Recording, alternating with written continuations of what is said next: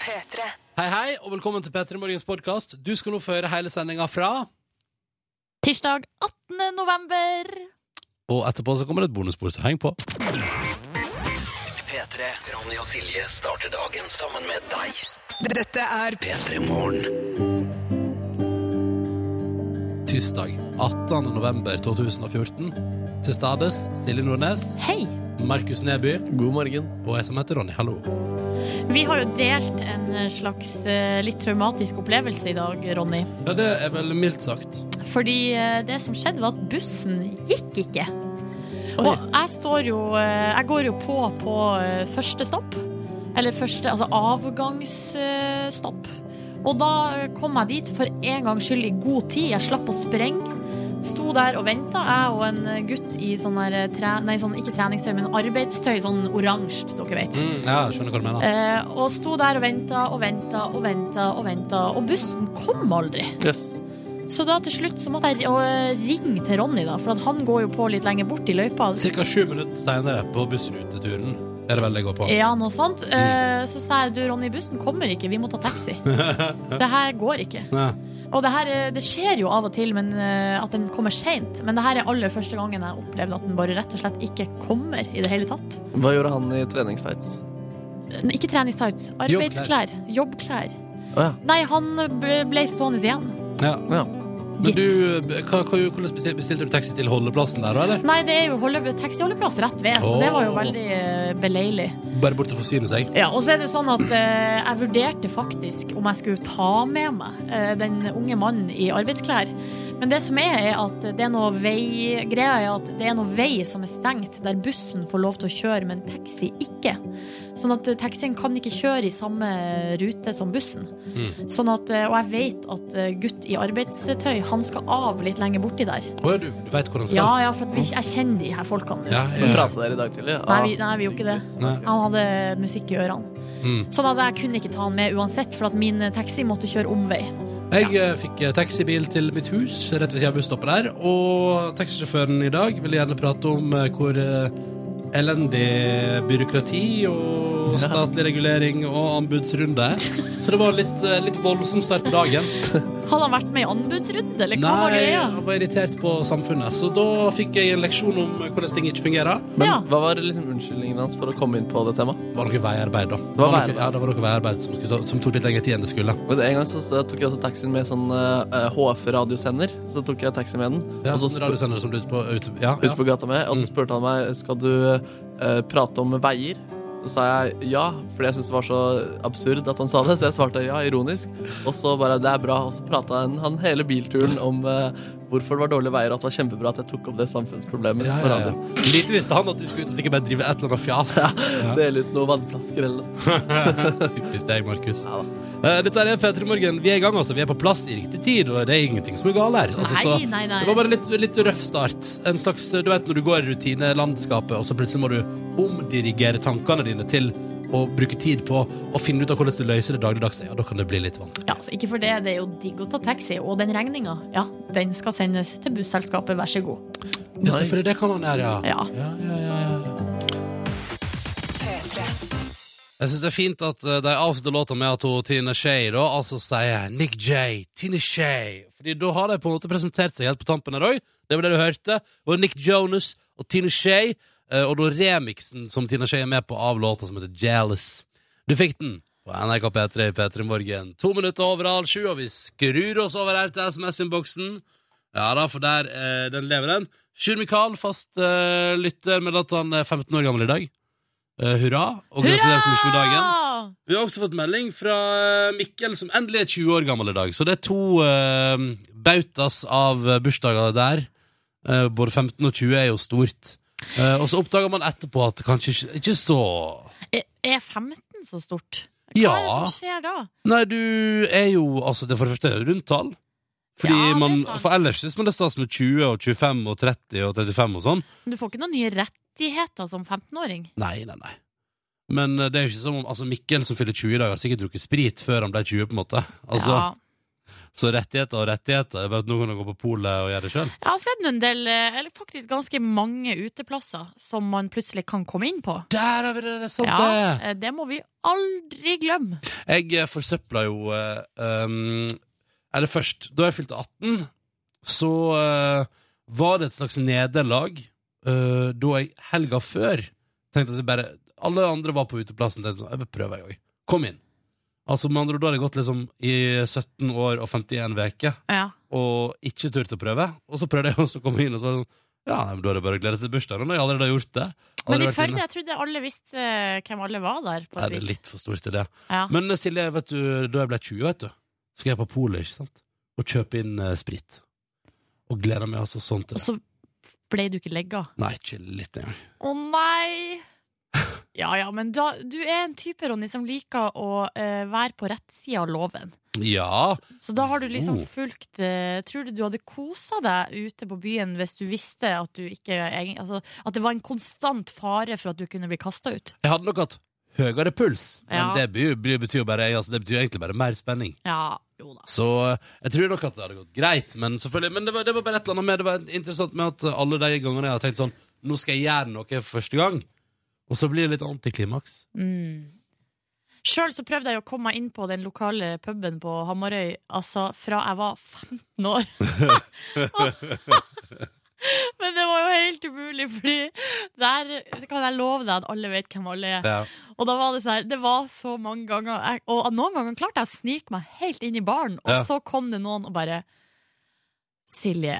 Og så måtte jeg, så måtte jeg røyse altså, Da hadde vi en slags æreskodeks. Da. Så hvis jeg ble Ja. oppdaga, så bare røyste jeg meg, så gikk jeg ut. Mm. Uh, og så venta jeg litt, så prøvde jeg på nytt. Nei. Ja, selvfølgelig. For du, du lot deg ikke be to ganger for å prøve på nytt, du, Nordnes. Nei, men det verste, vet du hva det verste var? Det At jo den dagen du tok på deg paraply Nei, parykk og solbriller og tenkte sånn Og en liten bart og tenkte nå lurer jeg deg. Nei, jeg har jo gjemt meg under en svær frakk en gang. Uh, men da ble jeg stoppa i døra. Da var det Da sa uh, han som sto i døra, Silje. Så måtte jeg snu. Men eh, det verste var eh, da venninna mi, altså min bestevenninne, hun ble jo 18 noen måneder før meg. Ja. Og så fikk hun jobb på den lokale puben i baren rett etter hun hadde fylt 18.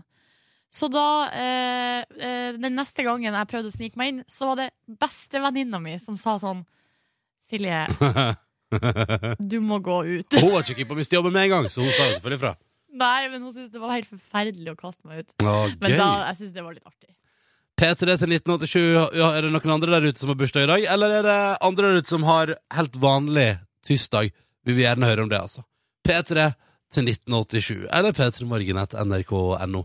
I det klokka nå er seks minutter over halv, spiller vi Marit Larsen. I don't wanna talk about it. P3. I don't wanna talk about it. Marit Larsen på NRK P3, ni minutter over halv sju. Riktig god morgen og god tirsdag til deg. 18. november er det, altså. Og du hører på radioprogrammet P3 Morgen, som holder det gående her, og som syns det er veldig hyggelig å få lov til å være en del av morgenrutina di. Det syns vi er veldig veldig koselig. Det er en som lurer på om du er i slekt med hun ene fra Nattpatruljen, Silje? Siri Elliksen? Ja. Du, det, det tror jeg ikke. Nei. Skal jeg, jeg vet, men jeg skal jeg være 100% ærlig med deg, så har jeg ikke sett på Nattpatruljen. Jeg så masse på det i helga, faktisk. Aldri sett på det før, men i helga så jeg på det. Det var en veldig sur nordlending der. eh, som klikka og var full og Var det han som tissa på søppelbøtta? Nei, nei, nei. For det så jeg, det var en som, som eh, tissa i Sto med bærræva ut midt i Trondheim sentrum og pissa. Så kommer politiet og sier sånn Du, ikke stå her og tiss. Jo, og jo. så klikka det for han og bare Jeg gjør hva jeg vil! Og bare, Å, da måtte jeg flire. Men jeg så en annen i Trondheim sentrum som sto inntil et hotell og pissa, og som bare ikke bevegde seg. Sånn at når politiet kom og sa sånn Hei, slutt med det der, så bare fortsatte han å tisse. Ja, Og de bare Hallo!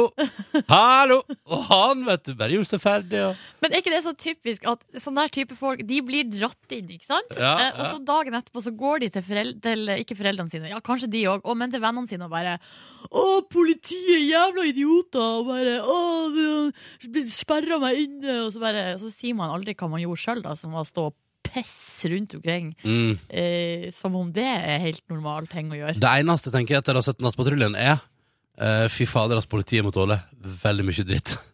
Men det som jeg har og, eh, Det må de, eh, og kanskje særlig i helgen. Og det som jeg òg har tenkt, som jeg syns er så komisk, og som jeg også har hørt fra folk som bor i Trondheim, det er jo at hvis man har fest, og politiet kommer, Ja. så det første man gjør, er å sjekke om det er nattpatruljen. Bare sånn åpne døra litt på gløtt. Er det kamera der ute? Mm. Nei. Ja, men det er jo overalt Nattpatruljen. Det må man jo gjøre i Arendal og i Oslo. Og, ja, ja. Oh, ja, det har ikke jeg fått med meg. det, det, det lander rundt, vet du.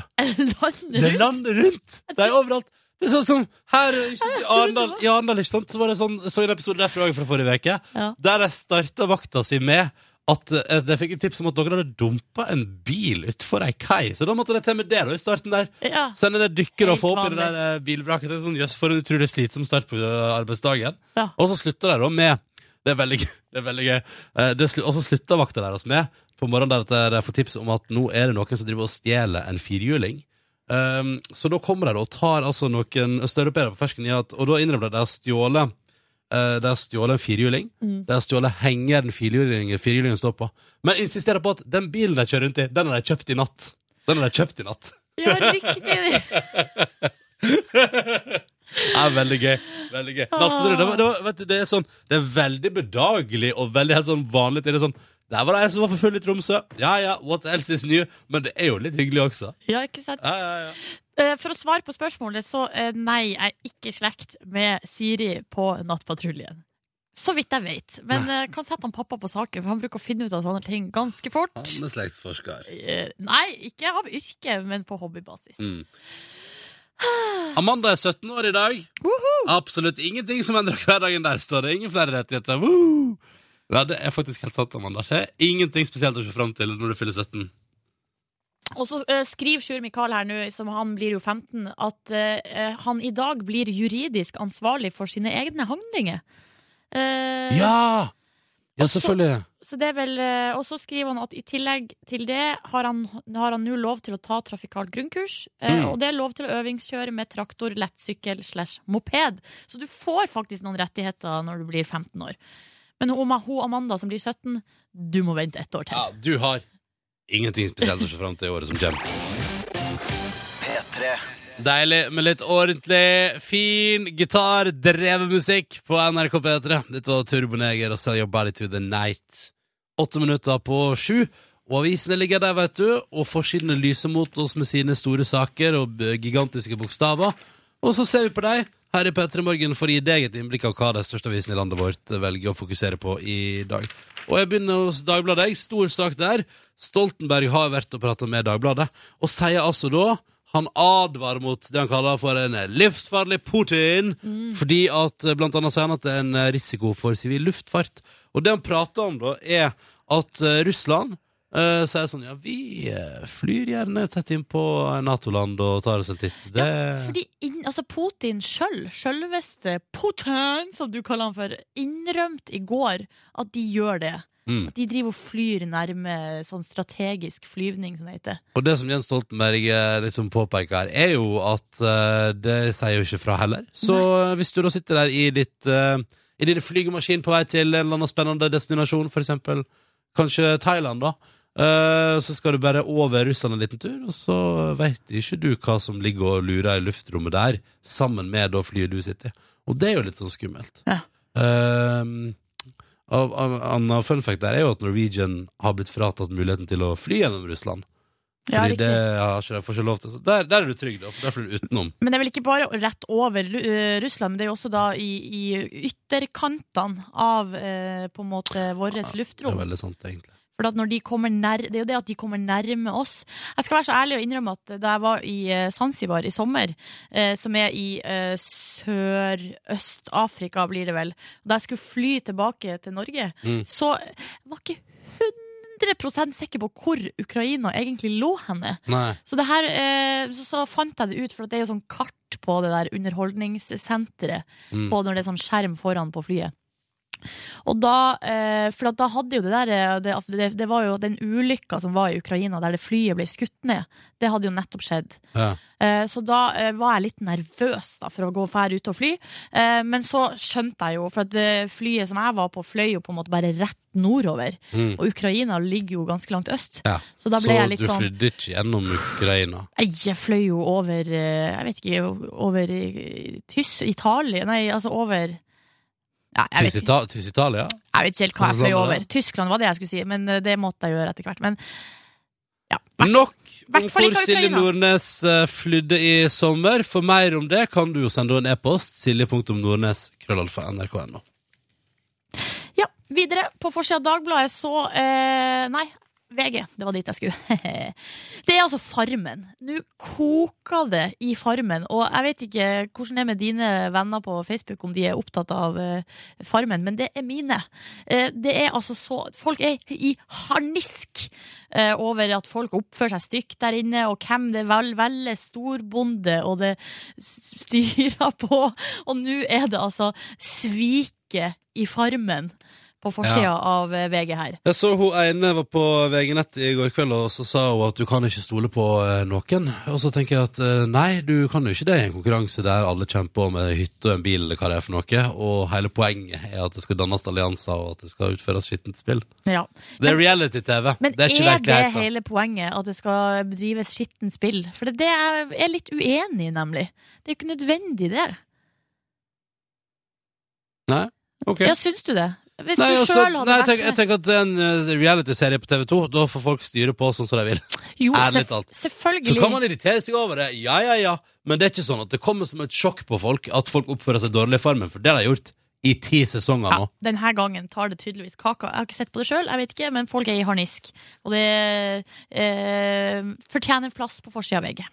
På forsida av Aftenposten i dag, bare kjapt til det, eh, det er sak om eh, Ruby, som satt og jobba i 65. etasje i World Trade Center under angrepet i 2001, er nå tilbake på jobb i World Trade Center. Og angående den nyhetssaken vil jeg bare si sånn, ja, og eh, hvis du skal velge deg en plass i USA der du definitivt ikke blir råka av angrep to ganger på rad, eh, med den sikkerheten som er der nå, ville jeg også med glede spasert og spankulert tilbake på jobb i World Trade Center, altså. Bare sånn det er sagt. Men ble ikke World Trade Center eh, angrepet en gang før 11. september òg? Jo, jo, men det, altså, nå er det, nå er det Jeg bare si det. det er ikke, jeg søker meg ikke jobb der med det første. Her, Det sier jeg bare. Bli her, du. Jeg blir her, jeg. Coldplay nå på NRK P3. Fram mot en nyhetsoppdatering. Tre minutter på sju. Dette er Sky Full of Stars. Og husk, hvis du lurer på hvor jeg fløy i sommer, så skriv meg en mail, da vel. silje.nordnes.nrk.no. Skal du få full oppdatering. P3. Seks minutter over sju med Dorothy og After Midnight på NRK P3. Vi skal nå arrangere vår konkurranse i P3 Morgen. Og hvis du tenker sånn, fader at jeg aldri melder meg på det, så har du en megagyllen anledning nå. Fordi Anledning, faktisk, som jeg kaller det. Anledning. Fordi eh, den ene deltakeren i vår, ta, eh, vår i dag tar ikke telefonen. Har sikkert forsovet seg. Så vi mangler en deltaker. Så hvis du vil hive deg rundt og har muligheten til å vinne en DAB pluss-radio til din eh, egen husstand, eller en eh, DAB-adapter til din bil, ja, så ringer du nå på 03512 og melder deg på. 03512. Mm. 03512. Fort deg. 035fold, som Nordnes ville kalt det. Ja, Nei, men da, da tror jeg vi, vi begynner med det vi har, skulle jeg si. Ja, Er ikke det en god plan? god plan. Og da tror jeg at vi har med oss Bjørn. Ja, hallo. Hei, Bjørn. Hei. Hei, hei. Hei. Hvordan går det med deg i dag? På en Nei, det går- Det går bra, det. Ja, Du befinner deg i Bergen og er 21 år. Ja, det stemmer. Ja. Hva driver du med i Bergen da, Bjørn? Jeg går på eh, Bergen Maritime Fagskole på eh, maskinavdelingen. Ok. Og hva lærer du der? Nei, Du lærer jo litt om eh, båtmotorer og vedlikehold på båter. Ja, ikke sant? Er planen å reise til sjøs? Ja, jeg har allerede vært på sjø i to år, så jeg skal vel tilbake en liten tur. Oi, hvor har du vært den, da? Nå har jeg vært i Nordsjøen. Ja, nettopp. Er det, eh, hva er drømmen? Drømmejobben? Nei, jeg vil jo helst bli ingeniør til slutt. Men eh, jobber du da på hav, hav eller på land? Da ender jeg vel sikkert opp med å jobbe på land til slutt. Ja, riktig. Så du skal rase fra deg på sjøen først, og så tar du landet med storm på sikt. Ja. Digg. Velkommen til konkurransen vår, Bjørn. Vi har med oss en deltaker til også nå, da. Hallo? Hallo, Hei, hvem prater vi med? Robin heter jeg. Hei, Robin. Å, jeg gjetta! Møre og Romsdal. Ja. Ja. Stammer fra Isfjorden. Du, å, Gaute Gaute Grav-bygda? Ja. Ja, ja, ja. Kjenner du Gaute? Nei, jeg vet ikke hvem han er. Ja, ikke sant. Men Robin, fortell litt om deg sjøl, du, da. Jeg kjører varetransport til Ålesund på vei dit. Hvor gammel er du? 25. 25 år. Nydelig. Sivilstand? Hæ? Sivilstand? Jeg er Singel. Singel? Mm -hmm. yeah. Og- ingen, ingenting på gang, sånn som du egentlig ikke vil prate om, men Nei? Nei, dårlig, dårlig med de. Og så, eh, men det jeg lurte på var eh, har du, eh, Hvilke hobbyer har du? Nei, er golf og poker. Golf og poker! Yes, oppe i Isfjorden der. Der er det Det høres ut som du burde vært i Las Vegas, eventuelt Florida. Mm. Eventuelt. Eventuelt. Men det er ingenting Jeg, jeg, jeg, jeg, tipper Isfjorden ikke står tilbake på noen ting når det kommer til eh, spennende og spenstige pokerlag. Nok om det. Nå er det konkurransetid i eh, P3 Morgen. Yeah. Og vi skal begynne med deg, Robin. Ja, ja. Du har nemlig endt opp som vår deltaker nummer én, og da bare, jeg bare følger Jeg følger det tekniske oppsettet. Så da er det Fast prosedyre. Ja, ja. Så du skal få æren av å svare på det første spørsmålet, Robin. Og det er jo sånn her i konkurransen vår at hvis en av dere svarer feil, er konkurransen over for alle parter. Så her gjelder det å svare riktig. Robin, eh, som er ute og kjører transport til Ålesund fra Isfjorden. Hvor mange bein har edderkopper? Eh, de har åtte. Åtte, svarer Robin. Ja. Kom det, var det det du tenkte først, eller hva er dealen her? Ja, det jeg tenkte, så måtte jeg bare tenke litt det.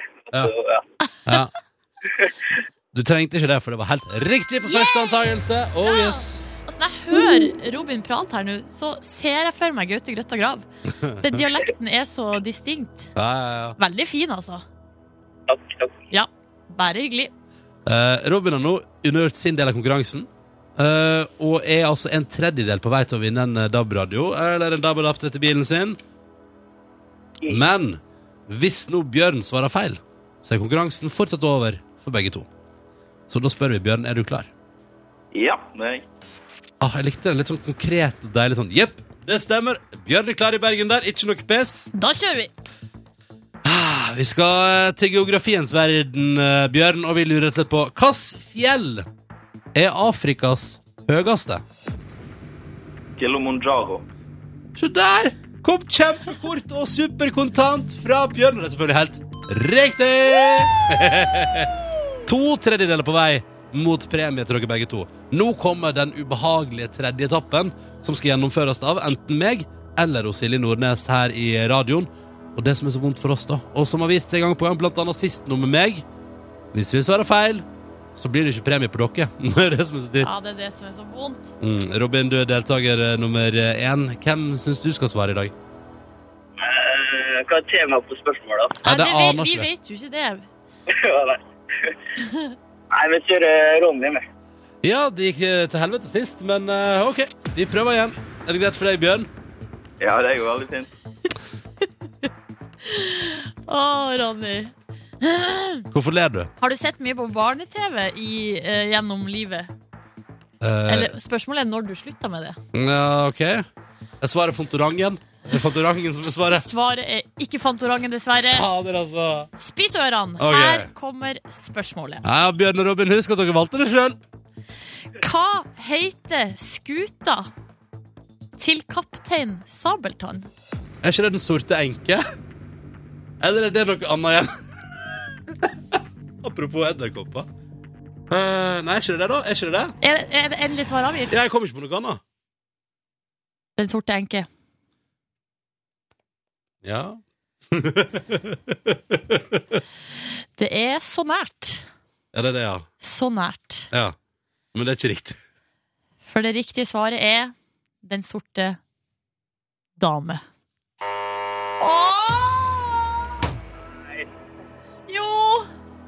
Ja, det er, det er helt feil, ja. Det er feil. Det er helt feil. Det er helt feil. Helt feil. Det er feil. Å, dere, dere, dere. Um, sånn kunne det gikk. Prøvde meg på en liten spøk for å løse opp stemninga. Eh, Robin og Bjørn, det betyr at jeg fucker opp igjen eh, for andre gang på rad her i Petter i morgen. Og nå skal jeg ta meg litt alenetid de neste minutta. Puste ut litt. eh, kjenne på hvordan jeg føler meg inni meg. Og skammer meg over at jeg har fucka opp for dere begge to. Beklager så mye. Nei, det går ikke bra. Nei, det, det går fint. Det går helt fint. Dere, dere er to veldig søte og snille karer. Tusen takk, og takk for at dere var med, begge to. Og ha en fin dag. Ha det bra. Ha det! Ha det. Ha det! Du vet det der med prinsippet om at man skal alltid si det første man tenker. Ja. Det er ikke alltid sant. Jo, men jeg hadde aldri kommet på Den sorte dame. Men, men eh, Den sorte enke er for eh, For negativt lada, syns du? Ja, litt! På et uh, sjørøverskip i en barne-TV-serie. Jo, jeg ser den. Men still, det var feil. Sånn er livet. Sånn er og livet. nå skal jeg gå og skamme meg litt. Jeg har lagt opp to låter på rad, sånn at jeg har tid til å sitte litt for meg sjøl. Men det her spørsmålet var jo ikke det verste, da. Nei, nei. Eh, hva gjør man hvis vi prøver på nytt i morgen? Man plukker opp telefonen og ringer nummer 03512. 03512 er nummeret som du ringer eh, for å melde deg på konkurransen i P3 Morgen. Og du må ringe nå! 9 og P på P3 glir forbi når klokka nå er åtte minutter på halv åtte. God morgen og god tirsdag. Og eh, jeg tror nå må vi ta oss et lite sekund, alle sammen. Eh, fordi jeg kom over en kronikk på nrk.no i går, skrevet av ei som heter Kristina, som melder at ønskelista di er viktig for samfunnet. Her står det Um, Hvis du ikke uh, skriver ønskeliste til jul, så bidrar du til sløsing i samfunnet vårt. Må du opp uh, tidlig på tredje juledagen og bytte det, så får du ting du aldri bruker. Eller så må du bruke som eksempel i kronikken her. Kan hende du ender opp med julegaver som du får, som du ikke engang skjønner hva er for noe, og hva skal brukes til. Det har skjedd meg. Det har skjedd meg. Hva er det Eh, du har fått som du ikke visste hva Nei, var? jeg veit ikke hva det er, men det ligger nå på rommet mitt hjemme i Førde ikke sant, og støver ned. Eh, og det, da tenker jeg sånn eh, Jeg klarer jo aldri å somle meg til å lage en ønskeliste til jul. Eh, og så på julaften tenker jeg på alle ting jeg kunne Altså, kunne, jeg kunne ønska meg. På. Ja, men nå for, før min forestående bursdag, så har, er det jo du som har eh, vært på meg om at jeg må skrive ønskeliste. Ja, men det, er fordi, at- det er fordi du sitter og raljerer om ting du har lyst til å kjøpe deg sjøl. Så tenker jeg sånn, du trenger ikke du kommer føre på ønskelista di. Ja, riktig. Hun her, eh, Kristina Picard, hun er forbrukerøkonom, skriver i kronikken altså, at hvis hver nordmann i snitt får ei gave som hun eller han ikke behøver og ikke orker å bytte, så har vi kasta bort over fem millioner produkter bare der. Og hvis du ganger det med hvor mye produktene koster, så blir det sinnssykt mye penger. Ja. Men uh, du har jo nå til din forestående bursdag skrevet ønskeliste. Jeg tenker, kanskje, så kanskje vi og du der ute har en liten dugnad nå. Hva kan man ønske seg til jul, da? Ehm, fordi eh, jeg fikk tekstmelding fra søstera mi eh, som- i helga, som var på eh, helgetur til Bergen. eh, og dermed da hadde tilgang, tilgang til flere butikker enn det man har i Førde. Ja. Og spurte sånn, er det noe du ønsker deg, for eksempel fra Platekompaniet. Og så slo det meg at nei, vet du hva, i år er det jo egentlig Hva skal jeg ønske meg derfra, da? En CD? Hva skal jeg spille den på? Altså, Ja, riktig. Kunne en DVD? deg? Hvor skal jeg se den? Nei, for du har ikke DVD-spiller? Nei, altså, jeg tar alt på internett nå. Så det, liksom sånn, altså det, det har utspilt sin rolle for meg. Og, da, og der forsvant trygghetsnettet mitt, Nordnes. Fordi før kunne jeg bare gå inn der, og så kunne jeg liksom bare browse gjennom der, og så hadde jeg liksom en haug med ting jeg kunne ønske meg på Men- DVD eller CD. Hva med å ønske deg gavekort på f.eks. Netflix, HBO Nordic, Spotify eh, eller andre typer streamingtjenester som du Kjempebra. bruker? Nå, la, nå begynner jeg. Skal vi se. Ja. Så da eh, gavekort eh, på eh, Netflix. Ja, alle typer streamingtjenester. Det er jo, Altså, det er jo kjempelurt. Spotify vil jeg ha. eh, det vil jeg ha. Det er bra. Da har jeg to ønsker der. Ja. Eh, og så har jeg funnet ut at kanskje man må være litt sånn At Hvis man ønsker seg ting, så må man være litt sånn spesifikk. Så jeg tenker sånn ehm, Jeg tror jeg har lyst på Jeg har lyst på eh, jeg, jeg, For jeg kan ønske meg både sokker, det går helt fint. Uh, streite i én farge. Ja, det er bra. Eh, eh, ikke sant? Da er jeg i gang med det. Og så tror jeg jeg ønsker meg boksere. Uh, Spesiell type. uh, Silkebokser med, uh, med noe sånn uh, Looney Tunes-trykk. Prøvde det en gang. Syns ikke noe om fenomenet. Ok, nei, men da dropper men, vi men jeg tror bokser, Jeg er fortsatt på jakt etter den perfekte bokseren. Den har jeg ennå ikke funnet. Men jeg tenker sånn, iallfall ensfarga der òg. Mm. orker ikke sånn tullete mønster. og behagelig. sånn? Topp. Uh, og så tenkte jeg, for nå kan vi hjelpe alle som hører på også. Hva, hva kan man ønske seg til jul? Har du flere forslag? Det er altså, jeg personlig ønsker meg en kompresjonstights, treningstights. Ja. Uh, og da uh, har jeg lagt på i ønskelista merke Ja. og størrelse. Ja, Det tror jeg er smart. Ja. Er noen der ute som har gode innspill til hva man kan ønske seg til jul. Jeg har lyst på gode bøker. Gode bøker. Men det blir det, Er det for vagt Det er for vagt. Da må, du, Ok. da må vi inn på sjanger eller eh, forfatter eller noe sånt. Ok, Da skal jeg ta og lese meg opp på hva som er hot på bokfronten for tida. Skal Jeg ønske meg Jeg ønsker meg den nye til Linnea Myhre. Ja, Eh, kjære. Den ja, ønsker jeg meg den ønsker, eh, den ønsker jeg meg. Den skriver jeg opp sånn. Hvis ikke så Eh. ender det opp med at du bare får bøker som handler om burger eller øl. Ja, jeg har faktisk opptil flere ølbøker Ikke sant? som jeg har fått. Jeg har kjøpt ei ølbok til deg. Ja, har du! Ja, og så ett år fikk jeg jo to av samme som ei anna ølbok igjen. Men det er jo fordi man tenker sånn Hva er det Ronny liker? Han liker burger, og han liker øl. Ja, ja jo, jo, jo, det er helt godt. Jeg ser det, det er burgerbok ute nå. Eh, jeg vet ikke om jeg har lyst Jeg er usikker. Mm. Um, og så ønsker jeg meg den fotoboka som jeg prata masse om i P3 Morgen før, med, den der, med han som har tatt bilde av nordmenn på sydenferie. Southbound, og den har jeg faktisk oppe nå, for jeg har nettopp googla den. Ja. Uh, den, det, ja, den tror jeg er veldig fin. Den er, den er kjempelyst på. Men hvis noen lyttere har liksom gode tips der ute til hva man kan ønske til jul, så kan vi lage en sånn liten ønskelistedugnad. Da kan alle som hører på P3 Morgen i dag, bli ferdig med ønskelista si den 18. november. Og da kommer hun forbrukerøkonom Kristina, som har skrevet kronikk på NRK Ytring, til å bli kjempefornøyd med oss. Og så hun skriver jo også i kronikken at eh, hvis man føler at man har alt man trenger, eh, så kan man jo da eh, heller slenge, altså ønske seg ting, altså, for, eh, ting som du vet du kommer for, til å få bruk for. Å. Jeg ønsker meg T-skjorte.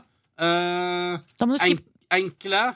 eh, svart, hvit og grå. så må du skrive på størrelse òg, Ja, for det er og, veldig vanskelig, det er vanskelig for folk. og kjører vi 2XL for romslighetens skyld. Det er komfortabelt og di- digg. Ja. Eh, jeg Men, ønske meg enda ei kosebukse, eller? Ei tredje kosebukse? ja, for du likte kosebukse. Ja, det, det synes jeg er et bra konsept.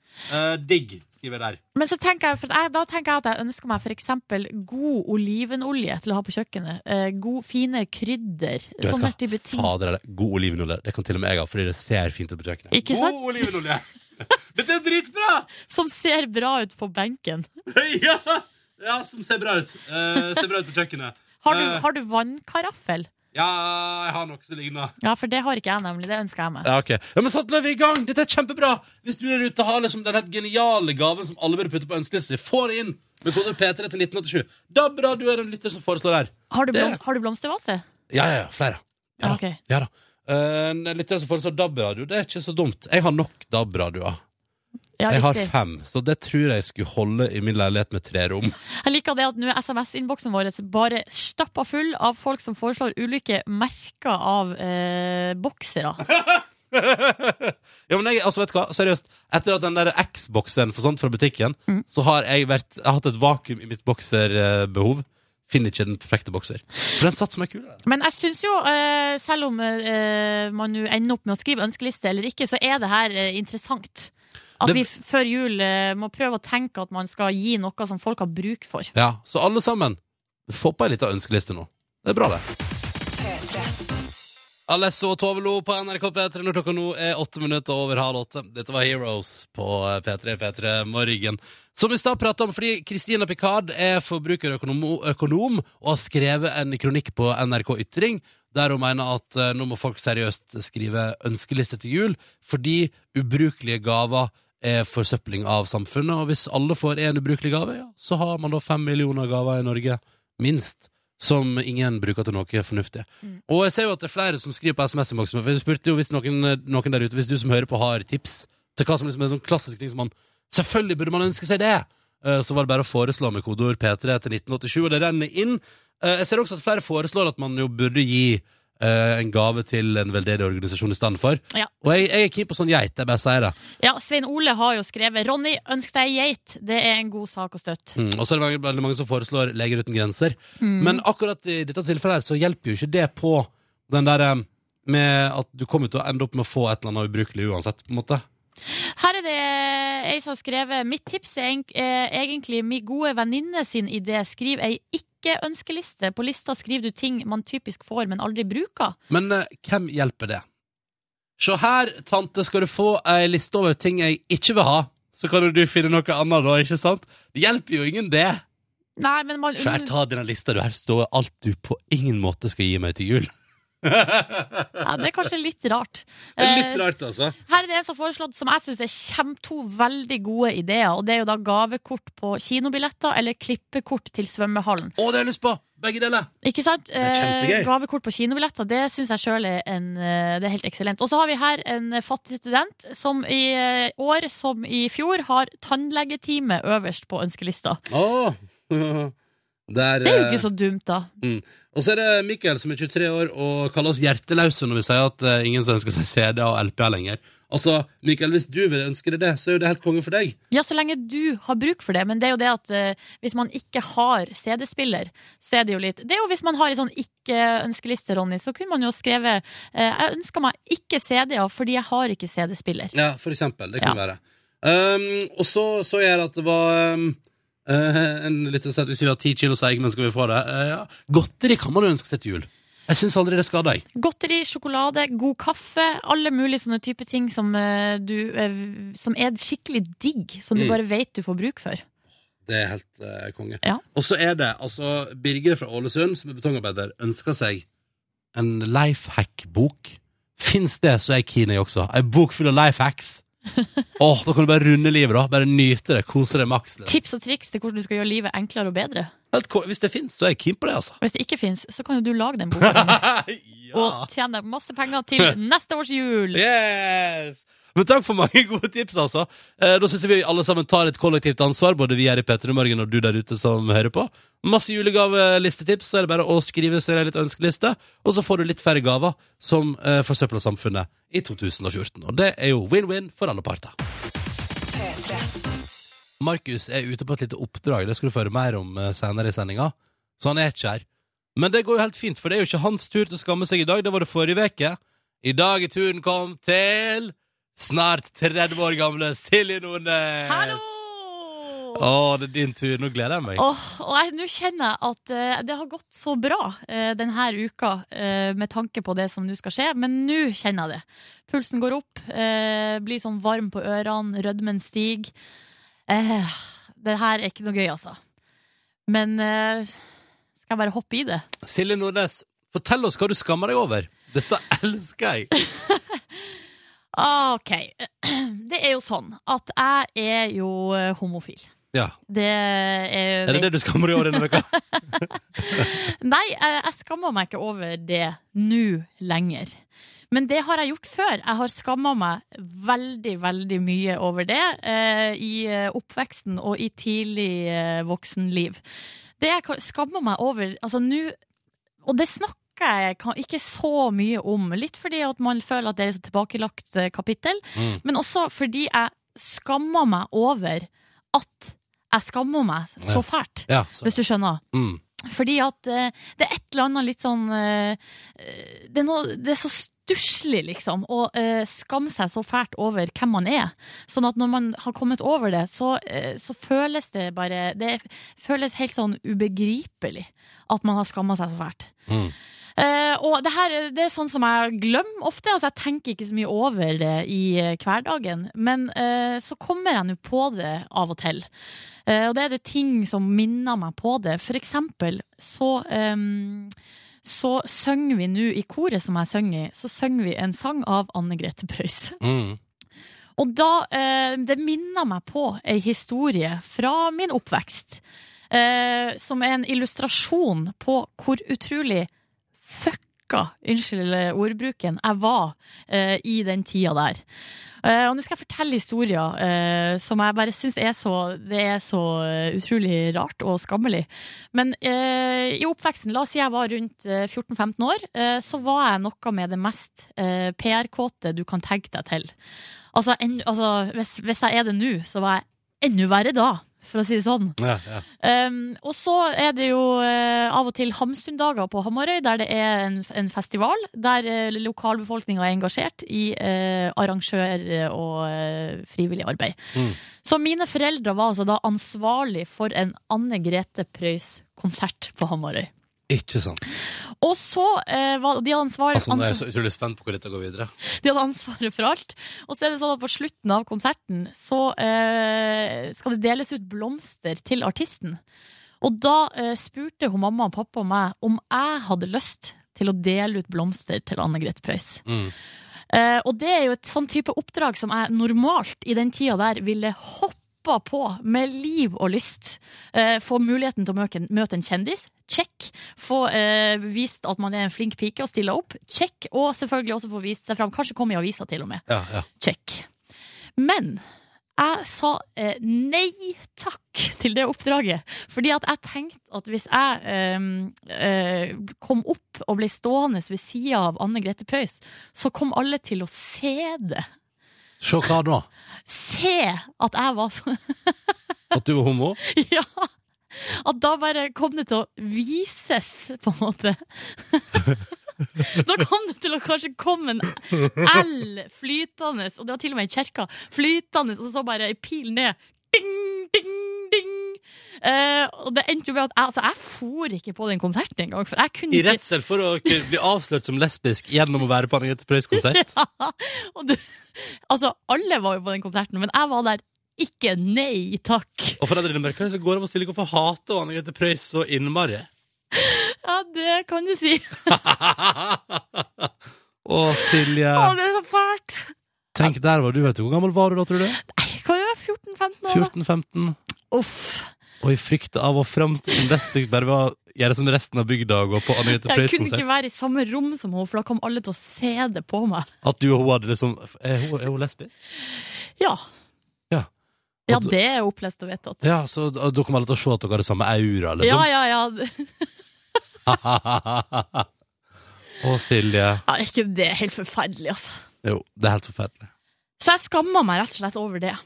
Ehm, og så eh, av og til så spør vi jo sånn Er det noen andre der ute som skammer seg over det samme? Skal vi spørre. Er det noen andre som har latt være å møte opp på Anne-Grete Preus-konsert i, fer- i frykt for å bli avslørt som homofil? Det tror jeg ikke. Nei. Men sånn Jeg er håper ikke det. Jeg håper ikke det. Huh, men man kommer seg jo videre. Det hjelper jo å snakke om det, sier de. Ja. Føltes det godt? Nei, kjenner, nei, det her var ganske vondt, altså. Mm. Jeg synes det var en helt nydelig historie, da. Ja, takk for det. Vi spiller et Outcast. Åh, så bra. Kom og ta over nå. Ja, nå går vi videre. Ja. P3. Outcast og Miss Jackson på NRK P3 i P3 Morgen. Fire minutter på åtte. Og nå har vi heisa opp bordet i studio her, sånn at vi står. Hvorfor det, Magnus Devold? Det er eh, fordi jeg har fått uh, lumbago, eller hekseskudd, uh, som gjør at jeg kan ikke bevege ryggen, kan nesten ikke sitte, kan bare stå og ligge. Åh, men hva er altså- det egentlig? Har du fått noe formening om det? For jeg har hatt det nemlig det samme, og jeg skjønte aldri hva det var som hadde skjedd. Det, jeg har bare lest på Google eh, at det er eh, sånn eh, spenninger som bare bygger seg opp mer og mer og mer og mer i ryggen, og så plutselig eksploderer det. Så Mm. grusomt. Så nå, nå kan du seriøst bare stå og ligge. Hvordan, hvordan går da forberedelsene til kveldens i kveld med Ylvis? Eh, da har jeg veldig mange som hjelper meg. Det er, er mye verre for eksempel, å forberede seg til å dra hit. Ta på seg bukser og sokker var veldig vanskelig. Nei! Klarte ikke å knytte skoene, så de måtte jeg bare, jeg måtte bare liksom stappe beina nedi. Og la det stå til. La det stå til, ja. Uff. Så der har du rett Hvor lenge har dette vært? Jeg fikk det på søndag. Det, Så- det var ingenting spesielt som utløste det heller? Jo, det er jo litt eh, Det kommer jeg sikkert til å le om ti år, eh, at det ble utløst av et nys. Nei! Jo. Vi ler av det nå, vi. vi ler av det er bra. Det er bare Er det det av nå. too soon, eller er det lov? Nei, for meg, jeg kommer til å jobbe litt med det her. For jeg, Uff. allerede nå så er jeg sånn drittlei. Ja. Ja. Det er litt tidlig, men eh, jeg er det Men. Har- du vært hos noen sånn eh, fysioterapeut eller Ja. naprapat eller Ja, noe sånt? jeg har vært og blitt knadd i Mm. tre timer på søndag og i, på tre, i tre timer i går. Og så skal jeg tre timer til i dag. Oi, oi, oi, men, Men ingen forbedring? Jo da, litt. Ok, så vi, vi kan, det kan hende det, det går over til slutt? Ja, jeg håper det. Skal ta noen dager til, og så skulle det gå over. Men Men på så- søndag var jeg, da lå jeg bare helt stiv. Jeg klarte ikke å reise meg opp. Så de måtte få fysioterapeuten til å komme til jobb nei. til sofaen jeg hadde klart å legge meg ned på. For jeg klarte ikke å, Ja, men klarte ikke å er gjøre noen ting. Er det sånn at alt nå blir eh, vanskelig? Altså, typ, ja, for eksempel bare det å gå til jobb, liksom?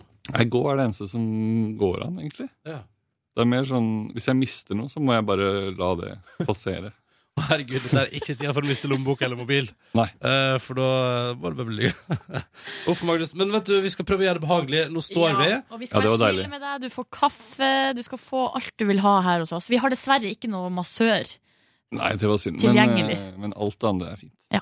Så dette skal vi ordne, og så skal vi prate mer med deg ganske straks her i P3 Morgen. Først skal vi ha nyheter, men eh, før det er ett minutt på eh, åtte. Vi tar med oss litt eh, musikk først. Og da tar vi med oss Astrid Smeplass, som nå har bestemt seg for å kun hete Astrid. Nå gir ut musikk, og det er helt greit. 2 AM heter låta du får på P3. Dette var Vil ikke være i din verden, det var Store P. Han er en av de fem som er nominert til årets låt under P3 Gull. Du må gå inn nå på p3.no og stemme på den eh, låta som du syns bør vinne der, og bli altså da eh, årets låt. P3.no, du finner avstemminga der. P3 Morgen, hallo, hallo. Åtte minutter over åtte. Ronny og Silje er som vanlig, og syns det er veldig hyggelig å få lov til å starte dagen med deg. Akkurat nå har vi jo besøk av eh, Magnus Devold. Hei, hei. Wow! Som, eh, som vi, vi står Dette er første gang i historien vi står eh, i studio når vi har gjest. Fordi Er det du det? har Ja, ja, ja, ja. Så det er premiere. Shit. Ja, eh, fordi du har uh, fucka opp ryggen din. Jeg har eh, rett og slett. Men eh, vi har kryssa fingrene og fått det ordna seg. Og så lurer jeg på, Magnus Devold, stemmer det at du har sju vekkerklokkealarmer? Eh, ja. Det Hvorfor stemmer. det? Det er fordi jeg ikke er så god til å våkne.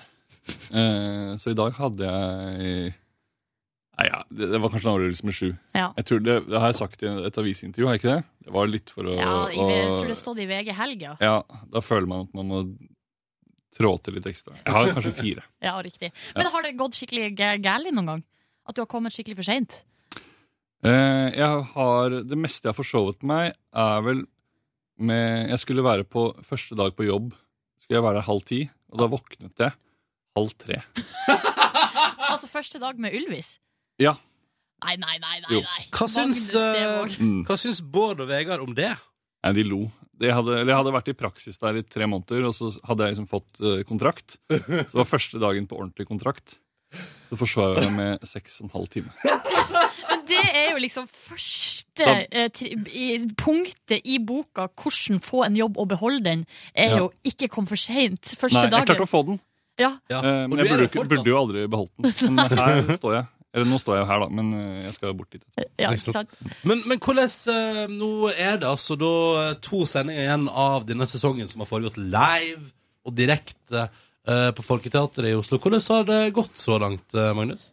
Jeg syns det har gått bra, Ja. eh, hvis det er lov å si det om sitt eget program. Ja, det er lov. Eller mitt, vårt eget program. Eh, men eh, nei, det har jo vært veldig Vi hadde jo veldig frykt for å ha liksom 100 stykker som satt i den enorme salen og klappa, og vi måtte jukse for å få det til å se halvfullt ut, i hvert fall. Mm. Sånn. Men eh, det har jo, vi har jo solgt ut hver forestilling, og vi har hatt bra seertall, og syns vi har lagd noen morsomme ting. Men hvordan var den aller første sendinga? Det å liksom skulle gå ut der og vite at du For det første er salen full av folk, og i tillegg er man eh, live på TV, og da vet man at ting kan gå galt. Mm. Nei, jeg var eh, Og da hadde vi akkurat hatt den der 24-timers-greia. Mhm. Så da var jeg egentlig såpass i ørska at jeg ikke klarte å tenke på så mye annet enn å prøve å huske på det jeg skulle si. og så sto jeg med sånn Jeg sto med sånne cue-cards, og så leste jeg hva som sto. Og så så jeg opp, og så hadde jeg glemt Nei! hva som sto hele tiden. Og det ser man også hvis man går tilbake til den første sendingen og ser. Så ser man hvor liksom, helt ute jeg er. Men det er jo veldig stressende å være live, da. Ja, Det ikke er sant? jo, vi var jo veldig vant til å ha mange mange sjanser til å få det til å sitte. Men har det gått galt noen gang? Aldri ordentlig galt. Nei. Det kommer sikkert til å gjøre det før vi er ferdig. Er Kanskje i dag, kanskje neste uke. Det blir en av de to. Vi får se, da. Det kan også hende det går skikkelig skikkelig bra. Får håpe det.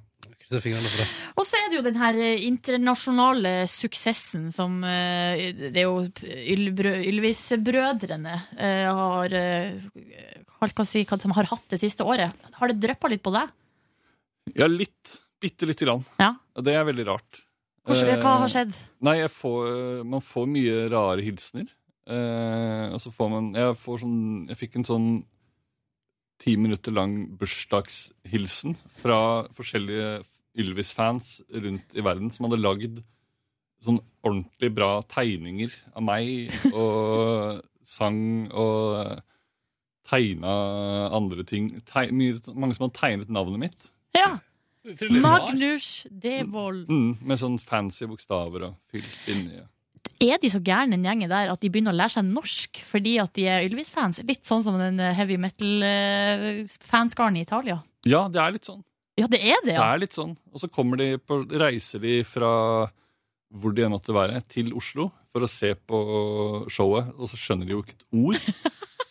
Utrolig rart. Veldig sprøtt, men veldig gøy, da. Ja, ja, ja, ja. Men Åh. eh, veldig vanskelig å, å fatte. ja for, og det tenker jeg, det må jo være et litt vanskelig publikum også, fordi man er jo litt sånn avhengig av den der eh, responsen. Og hvis de bare sitter sånn I I have, don't understand anything I have to wait for the translation. Uh, ja. Ja, men de er så, de er så gira uansett. ja, klapp og ler. De, de klapper og ler, og det er veldig gøy også å se når man ser eh, Første gang Bård og Vea kommer ut på scenen, så ser man, alle de norske er jo bare sånn Å ja, der er de. Der er de to. Eh, mens de utenlandske de får helt sånn stjerner i øynene og måper og er Dette er liksom det største som har skjedd Det i livet deres. Det er veldig, veldig flott. Og så en haug med plasserte nordmenn på sida. Men Magnus, denne fantastiske internasjonale suksessen som drypper litt på deg, og som gjør at du får hilsener fra utlandet og sånn, vi tenker sånn, Du lever jo nå et eh, TV-stjerneliv i sus og dus, Ja, og vi tenkte her i Petter at straks nå så skal vi se om dine kontoutskrift står i stil med stjernelivet. Den gjør det. Ja, så bra. Jeg har fått kontoutskrifta her utdelt. Jeg har en eh, markeringstusj, og jeg nå skal gjøre et lite dypdykk. Så følg med straks etter at vi har spilt eh, Frøken Fryd og låta som heter Bittert mareritt idet klokka blir 14 over 8. God morgen og god tirsdag! P3. Dette var Frøken Fryd og Bittert mareritt på NRK P3. Snart Mojo med Lady Hear Me Tonight. Men først Magnus Devold er altså på besøk i P3 Morgen kvart over eh, åtte. Og han er jo en del av sirkuset som er Ylvis Live eh, for tida. Eh, utsolgt folketeater hver uke, gode svartall på TV Norge der. Du, alt ligger jo til rette for å leve TV-stjerneliv i sus og dus, eh, Magnus Devold. Det gjør det, og det, det prøver jeg å utnytte så mye jeg kan. Ikke sant? Ja. Så vi tenkte vi skulle dobbeltsjekke det da, ved å ta en titt på rett og slett eh, noe så eh, enkelt og greit som din kontoutskrift. Hva bruker Magnus Devold penger på? Det jeg legger merke til her, Magnus, er at du eh, handler veldig mye på Del de Luca, Skjell, Narvesen, Skjell? Joker. Ja, du har vært mange ganger Å på ja. Skjell. Hvilken skjell kan det være? I Sandefjord. Ja, Der har du vært opptil flere ganger. det Og eh, også eh, flere plasser, faktisk. Har du vært på Skjell. Jøss, så glad jeg, jeg visste ikke at jeg var så glad i skjell. Og Joker 7-Eleven. Altså, det er de her litt eh, kjappe, små kjedene som er åpne lenge på kveldstid og også på søndager. Ja. Hva, eh, hva ligger bak?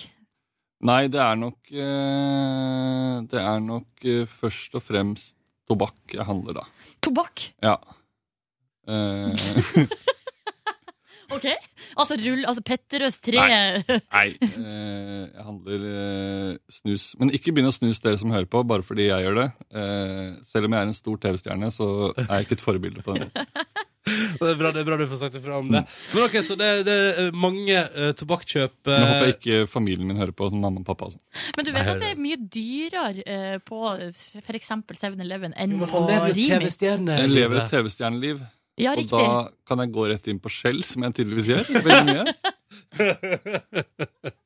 Og bare gå Du bananas der. forventer effektivitet i hverdagen. Det skal gå kjapt. Ja, og så er vi ofte Ja, jobber en del sent og sånn nå. Ja, riktig. Så da, da blir det sånn.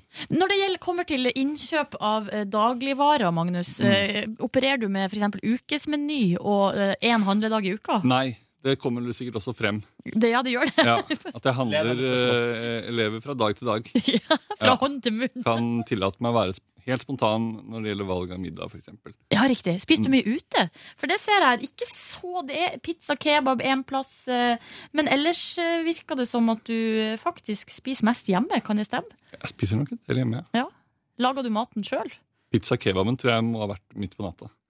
Det stemmer. Skal vi se klokkeslett? Nei, 22.02. Oi, Jøss. helt Det må være overtids. Overtidsmat. overtidsmat. Ja.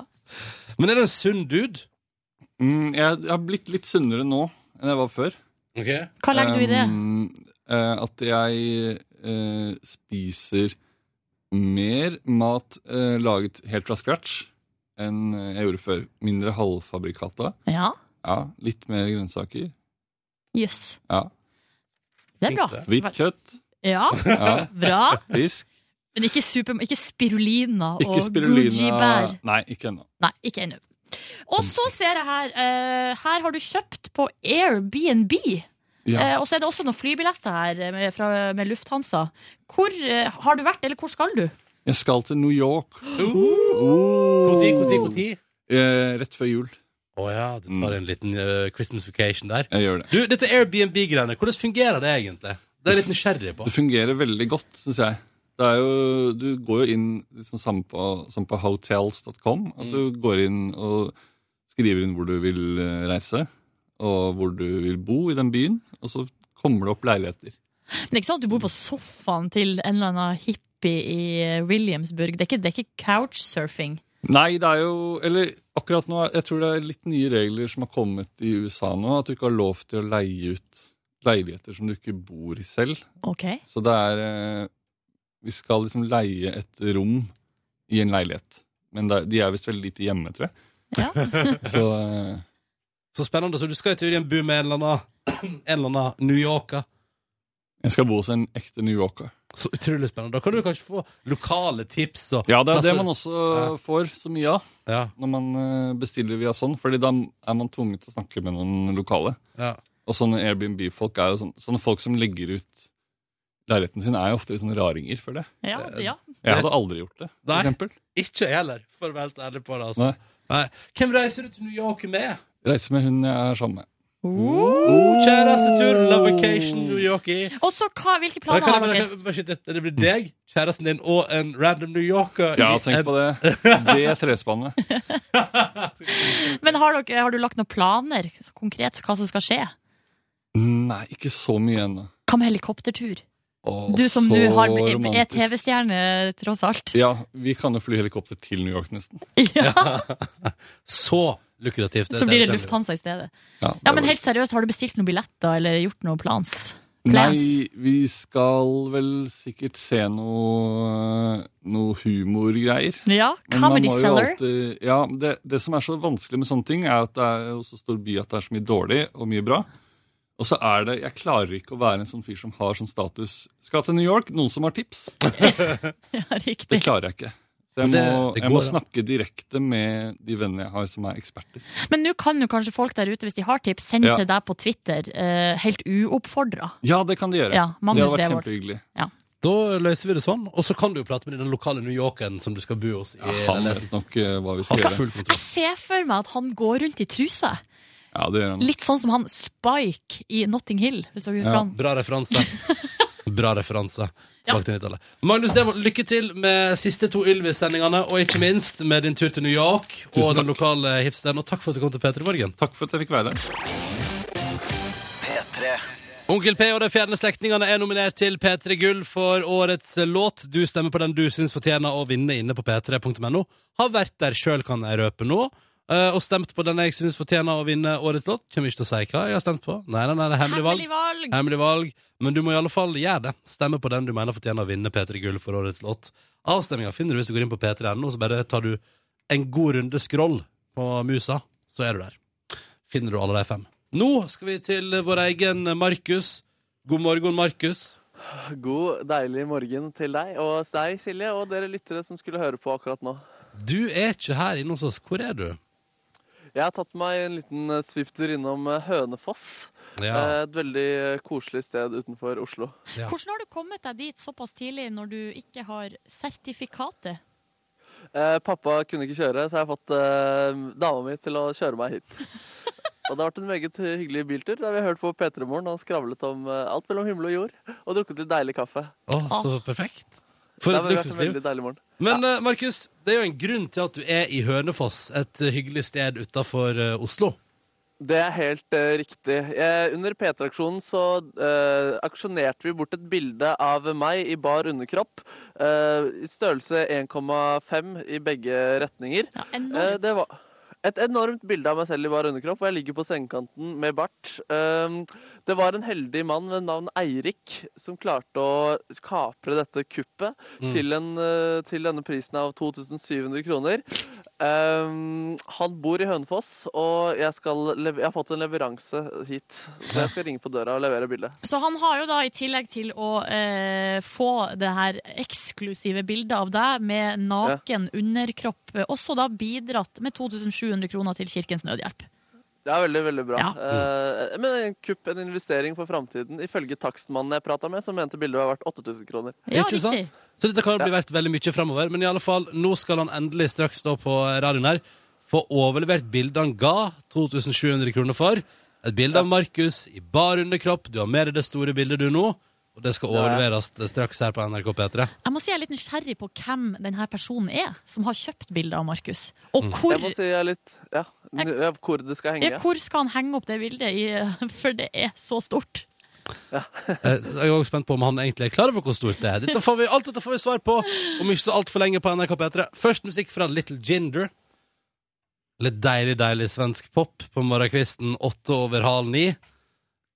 Riktig god tirsdag 18. november til deg som hører på. P3. Litt deilig svensk pop fra Little Ginger, Vita Bergens klokkor, når klokka nå har blitt elleve 11 minutter over halv eh, ni. Og nå skal det skje under P3-aksjonen 2014 for noen uker siden. Auksjonerte vår egen Markus vekk et bilde av seg sjøl i bar underkropp liggende på ei seng.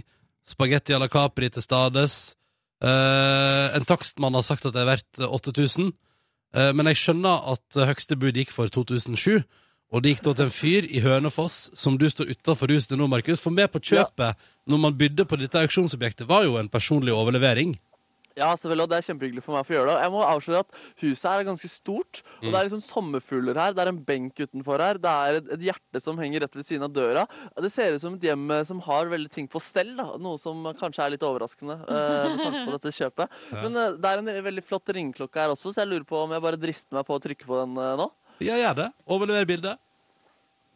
Nå er eh, Nå venter jeg. Det, det lyste rødt på den ringeklokka. Det er liksom et sånn typisk en. Jeg ser faktisk inn vinduet her også nå, så er det to eh, damer som eh, står og baker. Og der har vi Er det Eirik? Ja, hallo, god dag. Jeg har en overlevering til deg. Ja, Du verden. Du verden, ja. Her har du bildet. Um, eh, jeg bare, jeg bare, jeg bare gratulerer og sånn, eh, Markus. Ja, og gratulerer, og takk for ditt bidrag. Jo, takk. Ja. Hva, hva var det som fikk deg til å by for dette bildet? Du stiller vanskelige spørsmål, altså. Ja. Ja. Men, men Kan du si noe om hva du ser inn i bildet? Hva du føler når du ser det? Tja, en enorm glede, kanskje. Jeg vet ikke. En enorm glede. En eufori, som eh, hva man kaller det der jeg eh, kom fra. Kan vi kanskje gå inn og se på der dette bildet skal henge? Hvor er det det skal henge? Eh, Der inne på rommet mitt, hadde jeg tenkt. På rommet ditt? Ja. Ja. Det må nesten bli der. Ja. K k hvem er han her fyren? Vi må bli litt bedre kjent med han, Markus. Ja, det er en uh, stilig nå, Oi, nå går vi inn på rommet her. Det er en, uh, det er en hengekøy, og oppå hengekøyen så er det litt forskjellig spill. Litt sånn Mario Kart, uh, litt brus med noe russisk tekst på. I hjørnet her er det Det er et sånt, litt sånn typisk sånn gutteaktig rom. Donald-plakater på veggen. Og her er vi inne på rommet. Hvor skal dette henge, Eirik? Jeg hadde tenkt på veggen her, men jeg tror kanskje det er litt liten plass. så Jeg må flytte på noen bokhyller. Trodde du bildet var litt mindre enn det det var? Jeg trodde veggen var større. Trodde veggen var større. ja, fordi det er ikke, altså, det er ikke sjans i havet for at det bildet skal få plass uh, på den lille kvadratmeteren eh, du sikta deg ut der. Nei, det er jo ikke det. Så, Eh, hva, hva håper du at uh, dette bildet vil gjøre med livet ditt når det henger på rommet her? jeg regner med at det bringer stor, god, god, god fremtid. Masse penger og greier. Masse fremtid. Ja, ja, har, har du tenkt noe på hvem som skal arve, så du unngår en arvestrid? Må vel donere det til Nasjonalgalleriet eller noe sånt, nå, tenker jeg. Ja. Nasjonalgalleriet? Ja, men det høres definitivt ikke ut som en dum plan. Det har vært innom der, og de, de verdsatte også dette bildet meget høyt. Men eh, jeg lurer på om vi bare skal få hengt opp uh, dette bildet med en eneste gang. Hva tenker du om det? Tja, vi kan jo prøve. Vi kan jo prøve på det, definitivt. Eh, så det er, det er et veldig trivelig, trivelig gutterom. Jeg, det, jeg føler meg fornøyd med at bildet skal få henge dette rommet til Eirik over et lite keyboard eh, på enden av et trivelig gutterom. Kjapt oppfølgingsspørsmål. Hvem var de to som sto og baka? Ja, eh, Eirik, hvem var de to som sto og baka? Baket? Ja, det var noen som sto og bakte på det inn det vinduet der. Det er i samme hus. Er det et, et annet bo, eller? Nei, det er antageligvis min mor som driver på det. Ja, Så hyggelig, da. Ja, men det, det, er et, hy- det er et veldig hyggelig hjem med det meste på stell, virker det som. Så sånn er det. Eh, bildet har funnet sitt hjem, og jeg kan endelig få ro i sjelen. Kan ikke du ta et bilde, Markus, av bildet og av Eirik, og hvor bildet skal henge? Det må vi Så det til eh, oss. få til. Det skal jeg gjøre. Å, nydelig. Da skal vi få lagt det på Facebook. Skal jeg være Facebook om Peter i morgen. Så deilig å få bildet overlevert. Ja, Det er skikkelig, det har vært lettelse. Det har gnagd på meg lenge der nå, men eh, nå er kunsten ute i verden, og da kan jeg sove godt i natt. Endelig. Endelig. Takk skal du ha, Markus. Ha det bra. Takk skal dere ha. Ha det bra. Silje, Ronny? litt digg å få det ut av redaksjonslokalet, eller? Ja, det har jo vært et uh, uromoment uh, som har stått og Og eh, vært i liksom øye... Hva heter det? I øyesynet uansett hvor vi har vært hen i Ja. redaksjonslokalet. Stått rett bak pulten min. Er Ja. sånn. Jeg tenker det er fint at det ikke er der lenger. Ikke for det, altså. Eh, det er kunst. Det er kunst. Og Eirik har fått seg et, eh, gjort et skikkelig kupp. Ja, det har han definitivt. Vi skal få ut et bilde etter hvert på Facebook om eh, Peter i morgen. Når bildet er hengt opp og på plass, og mens det henges opp i et hus i Hønefoss, så skal vi høre på musikk fra Green Day på P3. P3. Straks eh, fem minutter på ni med Nico Vince og When the Day Comes på NRK P3. Før den så hørte du Green Day med 21 Guns. Lurer på hvordan det går med Nico Vince for tida. Hva er det driver med der borte i Amerika nå? Er det noe action? Skjer det noe? Jeg følger de jo begge på Instagram, og har ikke lagt merke til at det er noe sånn spesielt, annet enn at de på en måte legger ut bilder av seg sjøl og, og andre artister som jeg nødvendigvis ikke vet hvem er. Eh, Nå prøvde jeg å finne det her, men jeg er altfor uh, Skal jeg gå inn på Instagram og se det siste de gjorde. Det er sikkert noe spennende. Det er alltid noe spennende med Nico og Vince, vet du. Ja, eh, her er de på eh, red carpet eh, på Soul Train. Ja, det var der jeg vant pris, Eh, det. Awards. De vant jo eh, beste nykommerpris der, så det var litt stas. Ja, det var for ei uke siden, så det var ikke, så, det var ikke noen nyhet akkurat. Kommer til kort, dessverre. Hva sier du at det å vinne pris hver uke er ikke godt nok nå? Ah, det Nei, er faktisk en uke siden jeg vant den uh, nykommerprisen, så det er ikke så interessant. Jeg tenkte jo at jeg skulle finne noe nytt. Eh, noe som har skjedd ikke for ei uke siden, da. Mm. Det er det jeg tenkte. Selvfølgelig, det er jo kjempestas å ha vunnet pris. Ja, det er veldig gøy. Ja, ja. Oppturen fortsetter, fortsetter vel der borte i Amerika, skal du se. Kanskje jeg har møtt på han duden her, Yellow Wolf, i en eller annen sammenheng. Vi spiller Till It's Gone. Deilig låt på NRK P3 fram mot uh, klokka ni. P3. Velkommen til bonusspor. Denne delen av podkasten er altså da kun på podkast og har ikke blitt sendt på radio. Eh, noe du sikkert kunne gjette deg fram til når du kommer til å høre på det videre. Og så tenker du sånn, jøss, dette var da veldig rar radio. Eh, men det er fordi det sendes ikke på radio. Det sendes kun på podkast. Ja. Eh, litt eh, lavere skuldre, litt høyere under taket. Her er alt lov, det er usensurert og helt eh, eksklusivt. Hvordan går det med deg? Eh, det går bra med meg. Ja. Hva ser du på der borte? Eh, jeg ser at VG har tatt opp igjen kalkulat, eller den der telleren sin som viser inkassogjelda i Norge. Åh, hvor, hvor, hva ligger den på nå? 36 milliarder. 271 millioner 437 000. 600, 700, 800 Der ble det 438 Men den går liksom bare stadig oppover, oppover, oppover. Ja, ja, ja, vi pådrar oss eh, Det er vel, altså, det jeg tolker det til her, er vel at det er en eh, Ja, fordi den varierer, den summen òg, skjønner du. Plutselig, altså, fordi egentlig, altså Jeg klarer ikke å Men det, det, er jo, det er jo omtrent en hundrelapp i, i sekunder, da. Ja, at eh, nordmenns inkassogjeld øker. Øker Har du- øker. Noen gang fått eh, inkasso? Uh, ja. Altså ordentlig inkasso? ja, altså, jeg har fått et brev fra et inkassoselskap. Men ikke Det er varsel eller er det inkasso? For det er to ganske To forskjellige ting. Uh, nei, altså, nei, inkassovarsel er, jo, eh, er jo ingenting, for det er jo fra den bedriften som du har den Men jeg har opplevd en gang at uh, Men det var Nei. fordi det var en hm? Altså Inkassovarsel får du fra inkassoselskapet. Nei. Jo, jo, jo. nei, nei, for det er et inkassovarsel. Nei, Varsel om inkasso, jeg, Silje. har, jeg har fått fra inkassoselskapet Lindorf. Der står det Hei! Eh, du har feila med å betale følgende regning, abonnement, på, eh, på eh, motebladet Kostym. Eh, hvis du ikke betaler, så skal vi eh, kreve inn penger fra deg. Altså inkasso. Det er et Altså- inkassovarsel fra inkassoselskapet. Nei, nå, nå, nå mener jeg oppriktig at du tar feil, Fordi det er første steg Men inkassovarsel mener jeg at du også først får fra bedriften som eh, ønsker å få penger. altså det gjør du. Du får, du får purring, ja. Og Ja. så får du inkassovarsel fra inkassoselskapet. Nei, nei, nei, nei. Jeg har fått inkassovarsel fra bedrifter også, Ja. og så har det gått til inkasso. Og når det går til inkasso, så går det til inkassoselskapet, som igjen gir deg en siste mulighet til å betale før de kommer og løser det på annen måte. Litt Jo, jo, jeg, jeg, usikker. jeg, jeg er helt bombesikker, Silje. For idet du får inkasso, da får du jo eh, betalingsvarsel, eller gjør du ikke det? Nei, det er nei, da nei, du nei, i sånn der eh, Eh, jeg hadde faktisk en situasjon i tidligere i år, fordi det var, jeg hadde misforst- eller det var en regning som forsvant fordi et eller annet lurt selskap som sendte den kun i eh, e-post. Ja, det var noe styr. Uansett. Trodde jeg hadde betalt, hadde ikke betalt. Og da fikk jeg først eh, purring, og så fikk jeg inkassovarsel. Og så gikk saken til inkasso, som da sendte meg et brev og sa hei, vi har nå tatt over denne saken. Ja. Du kan velge å betale umiddelbart, så så masse, og så la de på en god slant med penger i tillegg til det jeg egentlig skulle betale. Yes. Og det var jo da på en måte ikke, det er jo på en måte ikke et varsel, for det er jo, da har det gått til inkasso. Da har jeg fått inkasso en million ganger, men eh, det har jo aldri kosta meg mer enn 50 kroner. Er det sant? Ja.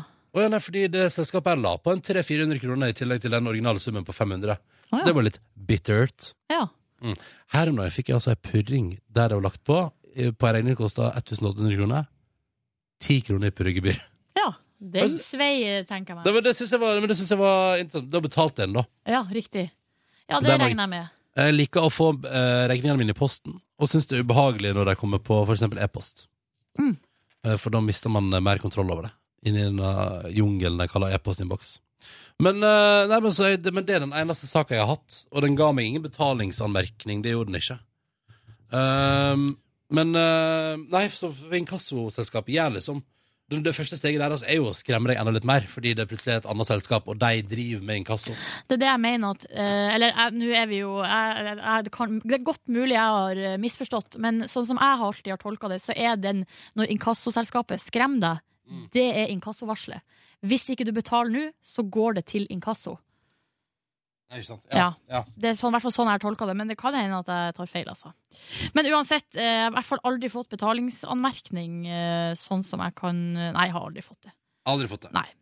Det har jeg ikke fått. Eh, og det er jo litt sånn Men det jeg har hørt, da For eksempel så har vi hatt et problem i mitt borettslag Mm. med at eh, beboerne på en måte spekulerer i Altså, beboerne betaler alltid fellesgjelda si, eller fellesutgiftene, men betaler de alltid for seint. Ja, ikke sant? Og det som skjer da for borettslaget, er fordi at det er ganske mye penger det er snakk om, så man taper faktisk renteinntektene. For jo før, jo før du får pengene inn på konto, ikke sant? Ja. Da, da begynner jo rentene å løpe med en gang. Mm. Så jo mer du har, jo mer får du.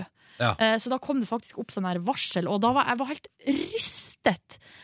Og det var altså over halvparten av beboerne i borettslaget betalt eh, eh, fellesutgiftene eh, over 14 dager for seint.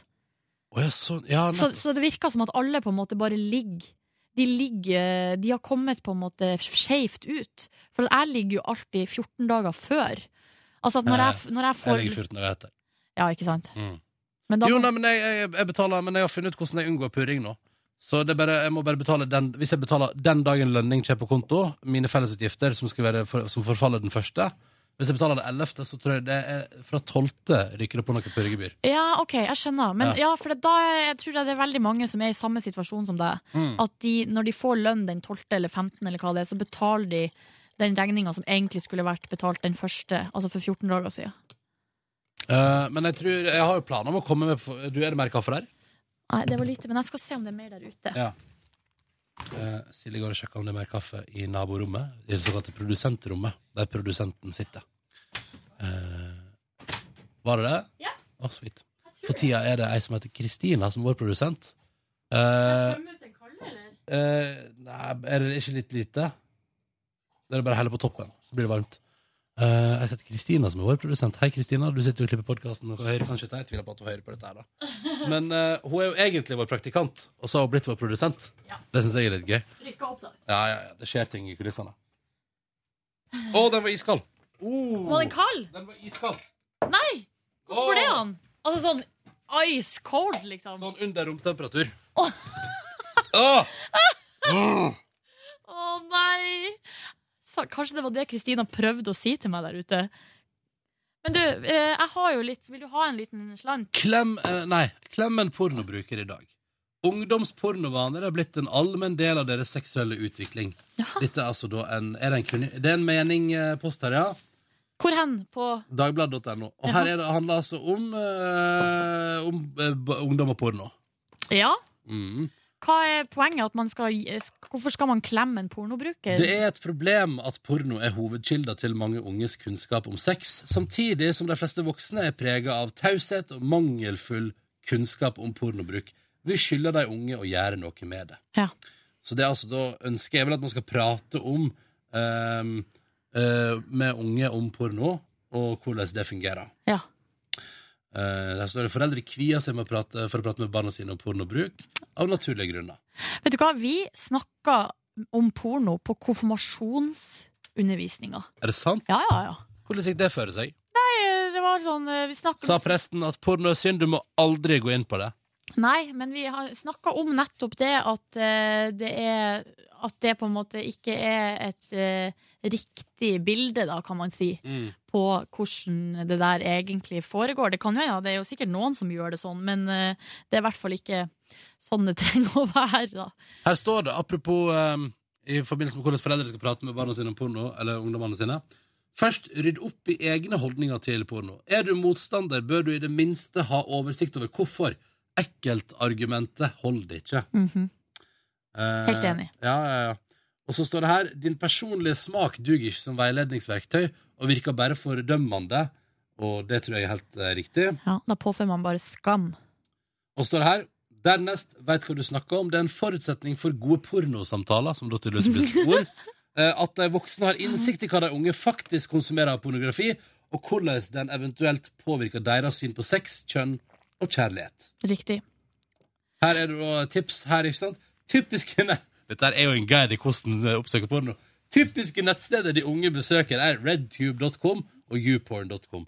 Ta det en runde og sjekk ut hva som finnes der. Det vil gjøre deg bedre rustet til å veilede. Jaså. Jeg tror det for mange i voksengenerasjonen, hvis man ikke er vant, hvis man ikke er vant til porno, Mm. så tror jeg det kommer til å være sjokkartet å gå inn på de nettsidene der. Hva mener Bare du? boom! In your face! Ah. Men uh, hva jeg skulle si at uh, Jeg har faktisk uh, Jeg har ei venninne som eh, fikk ødelagt sitt eh, forhold med en gutt fordi at han hadde henta all sin inspirasjon til hvordan eh, samlivet skulle foregå, fra porno. Nei, er det sant? Klyping i pupp, eh, sånn, spyt, sånn spytting og slå, sånn her klapsing på tissen og sånn. Og bare sånne rare ting som eh, ble plukka opp fra eh, hardcore porno, vil nå jeg vel å kalle det. Eh, som på en måte bare gjorde Som ikke var noe hyggelig, og, og ikke gjorde det noe bra. Og så Nei, uff, så trist. spredde seg liksom til Og det er jo det hvis kommunika kommunikasjon er litt dårlig i utgangspunktet, så, blir, Ja. så er det litt vanskelig å si fra om det. At Mm. jeg syns ikke det er så hyggelig. Og så, ja. Ja, fordi jeg skulle si, samtidig er jo det på en måte sånn, altså, for et eh, Altså, det jo Det er jo ikke noe hyggelig å få høre at noe du gjør, er ubehagelig. Nei, det er akkurat det. Så der, sant? så der ser du for meg at da åpner det en slags ny dimensjon i det forholdet som Ja. på ingen måte er bra. For hun hadde jo ikke lyst til å såre hans følelser. Og, Så da fikk han styre på da, med spytting og Ja, og klapsing. det er bare ett tips eh, til dere der ute. Ikke, altså, etter hvert i forhold så kan man jo dra ting ganske langt, men ikke begynn der. Nei, ikke sant? Men så, men så vil man kanskje gi et inntrykk av at man er helt rå, ikke sant? I starten. Ja, Uh, og at her Nei, jeg har ingen sperrer. ja, nei, men ikke, ikke begynn med det. Bare ta det litt piano i begynnelsen. Det er nå mitt lille tips. Vet du hva? Jeg stiller meg bak det tipset Ja. til Silje Nordnes der. Men det er en ting som jeg syns er litt interessant, fordi at uh, i denne Lena Dunham-boka som jeg driver og leser i, så kommer det hun som er produsenten og skuespiller og dama bak eh, TV-serien Girls. Mm. Um, så jo, så er, har jeg kommet nå til kapittelet som handler om kropp, og hun skriver om det å være naken på TV, og det å ha sex på TV, og hvordan det er og sånn. Ja.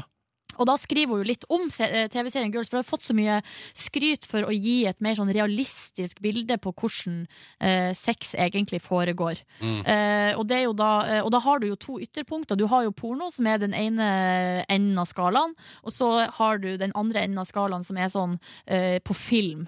Når det er dempa belysning, det er solbrune, tynne, flotte kropper, og alt er veldig sånn forsiktig forsiktig og liksom sånn Ømt og kjærlig. Ømt og kjærlig, ja. Ja. Eh, Men hun hadde lyst Og hun opplevde ikke at eh, sex var hverken på den ene eller den andre måten, men eh, snarere jævlig kleint og eh, utrolig krøkk og eh, ja, liksom sånn, sånn som ja, i, TV, I Girls så er det jo All sexen er jo så utrolig klein, liksom. Mm.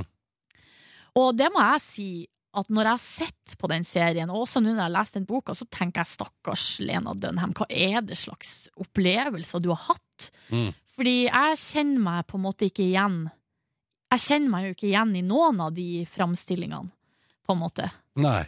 Fordi eh, jeg syns ikke at det er veldig, veldig flaut og fælt, og, og at alt er liksom sånn her eh, Sånn som Hun framstiller det som om at det er så, det er så ulekkert, og det er så på en måte Alle er så awkward og flau. Altså, det er bare sånn Alt er så rart. Mm. Og det syns jeg er litt sånn rar framstilling, så jeg kjenner meg på en måte ikke igjen i det, da. Nei, men hva Altså um, nå, Jeg har ikke sett for masse på Girls, så jeg klarer ikke helt å ta referansen. Nei, riktig. Um, men uh, Men der er alt er sånn på tverke, og det er liksom ja, det går, Men altså, Ja. alt går dårlig, liksom? Ja, det virker sånn at det er på Ja. Alt er bare Ja. Veldig rart. Um, jeg tror Men, men, hva, men hvor, hvor bikker du, da? Bikker du mot den ømme og kjærlige Ja, spillefilmgreia? Ja, faktisk. Eller altså, kanskje det er, det er litt den, men bare mer sånn Men um, det, er jo, det er jo film, ikke sant? Så man vet jo at de gjør jo alt for at det skal se lekkert og fint ut. Og Mm. de legger på filter og fargekorrigering og har ordna med lyssetting. Og de kroppene der har trena i eh, årevis, holdt på å si, for Mm. å se sånn ut. Så det vet man jo, at det er jo ikke sånn livet er. Men, um, men samtidig så eh, Hvis man er sammen med noen som man er trygg på, uh, og som man på en måte har en god kommunikasjon med, så kan det være ømt og kjærlig, men samtidig så kan du ha den der litt sånn råskapen og mangelen på hemninger og, og sånn som du kan se i porno, da, på et vis. Ja. Ja. Jeg vil, si, jeg vil i si som så at ehm, Uten at det trenger å være flaut, eller, altså, uten at du, og uten at du skal liksom drive og spytte og slå og Hæ? klype. Driver ikke og spytter også? What? Nei, men, eh, nei, men jeg tror og, og, eh, Hvis jeg skal tenke litt om det der, da, så tenker jeg at uh, uh, Har du aldri i hele ditt liv opplevd at sex har vært awkward? Vet du hva? Eh, jo, men samtidig så, så har jeg på en måte ikke eh, liksom reflekt... Nei, jeg, jeg bærer det ikke med meg som flaue opplevelser, på en måte.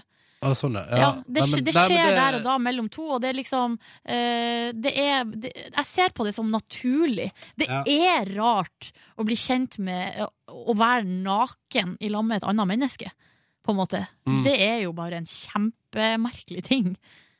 Ja, det, ja, det er det jo. Det er Men, Ja. Men, men så, så uh, Nei, men fordi nei, men sånn, Hvis du sier det på den måten, så har jo ikke jeg det heller.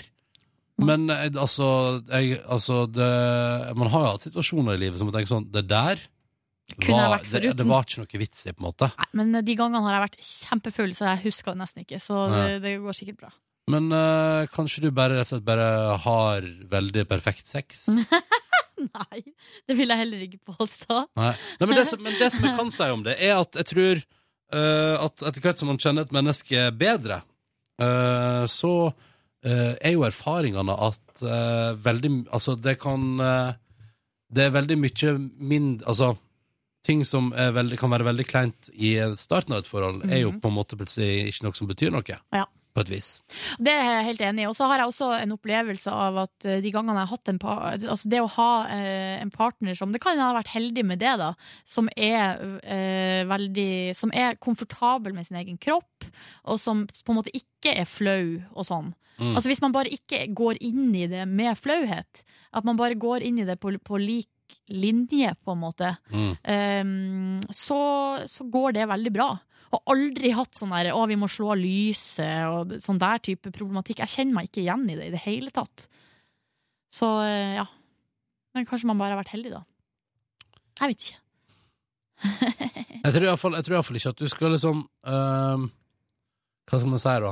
Jeg tror nok at eh, Lena Døm Dunham har sikkert eh, sine grunner til å vise sex på den måten hun gjør. Ja, det har hun jo, og hun- men hun skriver jo at hun har et veldig komplekst forhold til sin egen kropp, Mm. eh, som hun har hatt helt siden hun var lita, med spiseforstyrrelser og masse tull, og også sitt eget selvbilde har hun hatt problemer med, som har gjort at hun har oppsøkt eh, og forelska seg i gutter som ikke har vært snille, og som ikke har vært bra for henne. Og det, hun har på en måte gang på gang oppsøkt de typene, på en Ja, måte. Fordi, ja. som en, jeg vet ikke om det er en slags straff mot seg sjøl, eller at hun tror at hun ikke fortjener bedre.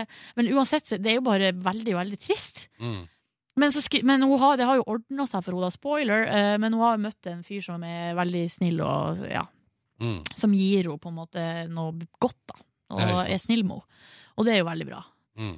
Så eh, nei, det er jo eh, det er så, Jeg syns det er så det er trist at det skal være så mye traumer rundt de der tingene. da Og jeg tror, jeg tror ikke at eh, hvis man har et dårlig selvbilde og har et dårlig forhold til sin egen kropp og har et merkelig forhold til seksualitet, så, tror, så er ikke porno veien å gå, da. Nei, oh, nei, nei, nei. Nei, da Nei, tror jeg man blir, Det gjør bare vondt verre. Men, men altså eh, Så du, du kjenner ikke på usikkerhet i forhold til kropp, altså? Aldri gjort? Ikke sånn, ikke på den måten, nei. Nei. For den andre personen er jo også naken, så da eh, Man er jo naken begge to. Mm. Og, det, og, det, og jo, altså, jeg, kan, jeg kan kjenne på usikkerhet, men da kan jeg se for meg at det gjør den andre òg. Så da må man jo bare Altså, det, det gjør man jo, ikke sant? Du er frynsete på alle områder, men ikke akkurat der. Ja, heldigvis. Takk Ja. Gud for det. Deilig, da. Men det, har, det er jo en prosess, og det er jo eh, Må jo si at det å ha vært i et langt forhold hjelper jo på. Mm. Man får bekreftelse, man blir tryggere på seg sjøl, eh, osv. osv. Og og jeg må jo si også at da jeg ble singel, så eh, for ett år siden, så tenkte jeg Å, den hjelper meg. Det her Jeg vet ikke om jeg kan Det jeg tenkte var Jeg vet ikke om jeg kan det. Det er sånn, ja. Ja. Jeg kan den ene personen. Ja, sånn, ja. Jeg vet ikke om jeg kan eh, det med noen andre, Ja. på et vis. Ok, men da opplever du en, eller annen- Da har du iallfall et tankespinn rundt det. Ja, ja, ja, absolutt. Men, Selv om du det- ikke trenger å gå helt til en Dunham eh, Men eh, jeg, jeg, det viste seg at det gikk bra. jeg kunne det allikevel. ding. Eh, Det er ganske universelt, kan man jo si. Ja, det er jo det. Ja, det er ganske universelt. Og så er det jo veldig hyggelig. som Absolutt. oftest. Så jeg tenker at eh, eh, Så bra at Lena Dunham har funnet seg en ordentlig fyr som gjør at hun opplever det som hyggelig Ja, ja, det er Mm. bra. Hva gjorde du på i går, da? Du, i går Det som jeg gjorde i går, var jo det samme som jeg gjorde på fredag. At jeg, opp, jeg hadde signa meg opp på trening klokka halv fem. Ja. Uh, på et treningssenter som ikke ligger så veldig langt fra jobb. Det ligger i hvert fall nærmere jobb enn hjemme. Mm. Så jeg uh, tenkte at planen var at jeg skulle slappe av litt på jobb. Eh, gjøre litt forefallende, og så skulle jeg gå ta meg en tur ned i byen og gjøre litt sånn eh, browsing og vindusshopping. Vindusshopping, du! Litt sånn julegave, litt sånn P3 Gull, hva skal jeg ha på Å, meg? herregud, det er, browsing. også, det er også en ting. Ja, Så eh, deilig å vite at jeg bare kan gå rett i mitt skap og hente ut en dress. ja, gratulerer med Ja, dagen. det var ikke meninga, men jeg bare sier at jeg takk Gud for at det også av og til er, er digg å være mann. Ja, jo, men dere har en eh, fordel der, altså. Men uansett, det som skjedde var at den planen gikk jo fullstendig i dass når jeg sovna på sofaen i redaksjonslokalet. Ja, men det, det, altså, den gikk vel i dass før det, fordi eh, da jeg spurte deg hvorfor legger du deg på sofaen, så var du tydeligvis inne i en slags Da hadde du allerede innsett en slags nederlag. ja, for jeg var så trøtt. Ja. Og så sov jeg altså en time på sofaen. Og det var ikke sånn Altså, jeg steinsov. Men var det noen som vekka deg, eller på annen måte? Altså, Nei, jeg hadde satt på alarm, og så øh, sto alarmen og dur og gikk der oppe. Nei og nei og nei. Var det, var det noen andre på kontoret Ja. Pernille og, og Satt og rista på hodet hodet. Ja. Ja. Uh, men uansett så eh, så, eh, så gikk det nå greit, da. Jeg kom meg ned eh, på treninga og kjøpte med meg en kaffe, og så møtte jeg ei venninne der for å dra på trening. Kan jo avsløre altså jeg, Det her er jo en helt ny treningsform Mm. på et nytt senter. Og jeg er jo en rutineperson og Mm. rutinemenneske, så det at jeg har gått utafor komfortsonen, er jo eh, litt nytt. Mm. Venninna mi eh, skrev til meg i helga 'bli med på trening på mandag'. Um, så var jeg litt lunken, så sier hun 'kom igjen', det er skikkelig bra trening, og instruktøren er skikkelig søt. Ja, ja. Så jeg fikk en ny melding i går, kom igjen, bli med, så gikk jeg inn på appen til treningssenteret. Mm. Så så jeg navnet på instruktøren. Så googla jeg henne, Tuller du? og så så jeg at hun var skikkelig fin. Og så tenkte jeg sånn Ja, OK, ass, sign me up! Digg instruktør, jeg er med. I'm in. Beste hilsen Silje Nordnes. Yes, Og så for jeg på den treninga, og eh, hun hadde helt rett. Instruktøren var skikkelig digg og veldig motiverende. Mhm. Og, trening, og det var bra, fordi den treninga som heter noe sånn cross Det var noe sånn sirkeltrening. Ja. Og det var helt jævlig Det var jævlig, ja. Ja. Mm. Men det var digg og veldig effektivt, så det gikk fort. Ja. Ja, fort og hardt. Så det var bra. Hva skjedde etter trening, da? Jeg dro hjem, Mm. lagde meg ostesmørbrød, dusja, eh, spiste ostesmørbrød og så på TV og eh, så på Øyevitne, Herregud. og så gikk jeg og la meg.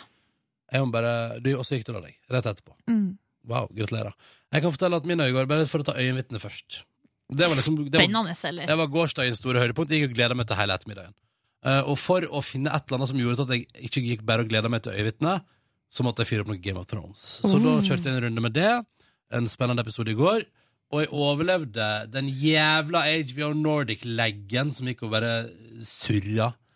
Faen, ass. uh, men, det, men det gikk bra, det, ble, det var veldig hyggelig og veldig spennende med Game of Thrones. Kjente at det var deilig påfyll.